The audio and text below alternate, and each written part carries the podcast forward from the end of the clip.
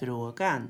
Vartifrån kommer konspirationsteorin New World Order eller NWO?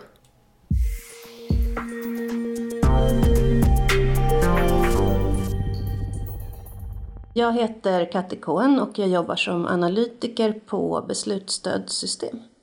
New World Order, eller NWO, som den kallas också, är en så kallad systemisk konspirationsteori Eh, som går ut på att bakom de politiska systemen som, som vi ser så verkar en totalitär och världsomspännande konspiration som håller på att skapa en ny global världsstat som kommer att ta ifrån oss vår frihet och våra mänskliga rättigheter.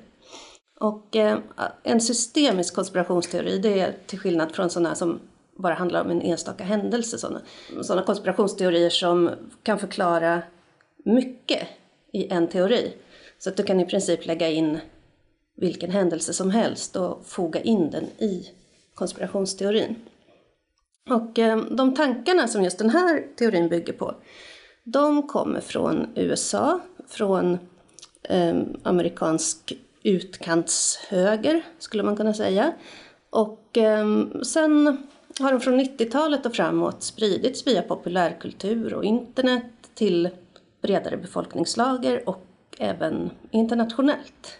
Vad kan avsikterna och de olika konsekvenserna vara av den här teorins popularitet? Jo, man tror att den här typen av systemiska konspirationsteorier vinner anhängare av framförallt två olika anledningar. Varav den ena är att vi människor har en tendens till någonting som kallas för apofeni. Det är nämligen en vilja att skapa mening i våra intryck genom att sammanfoga olika fakta till en sammanhängande berättelse. Vi vill och behöver att saker ska hänga ihop för att vi ska förstå världen. Och eh, i ett komplext samhälle som vi lever i idag, där vi matas med ofta motsägelsefull information, så behöver vi eh, allt mer komplexa berättelser för att hålla ihop och skapa mening i, i vår världsbild och hur vi förstår det som vi får höra från till exempel media. Och den andra faktorn som gör Ehm, konspirationsteorier populära det är en ökad misstro mot makthavare. Ehm, och den här misstron förstärks tyvärr när vi eh, lär oss om konspirationsteorier och börjar tro på dem. Och det i sin tur riskerar att leda till våldsamma demonstrationer, upplopp, i viss mån terrorattacker från framförallt ensamma gärningspersoner.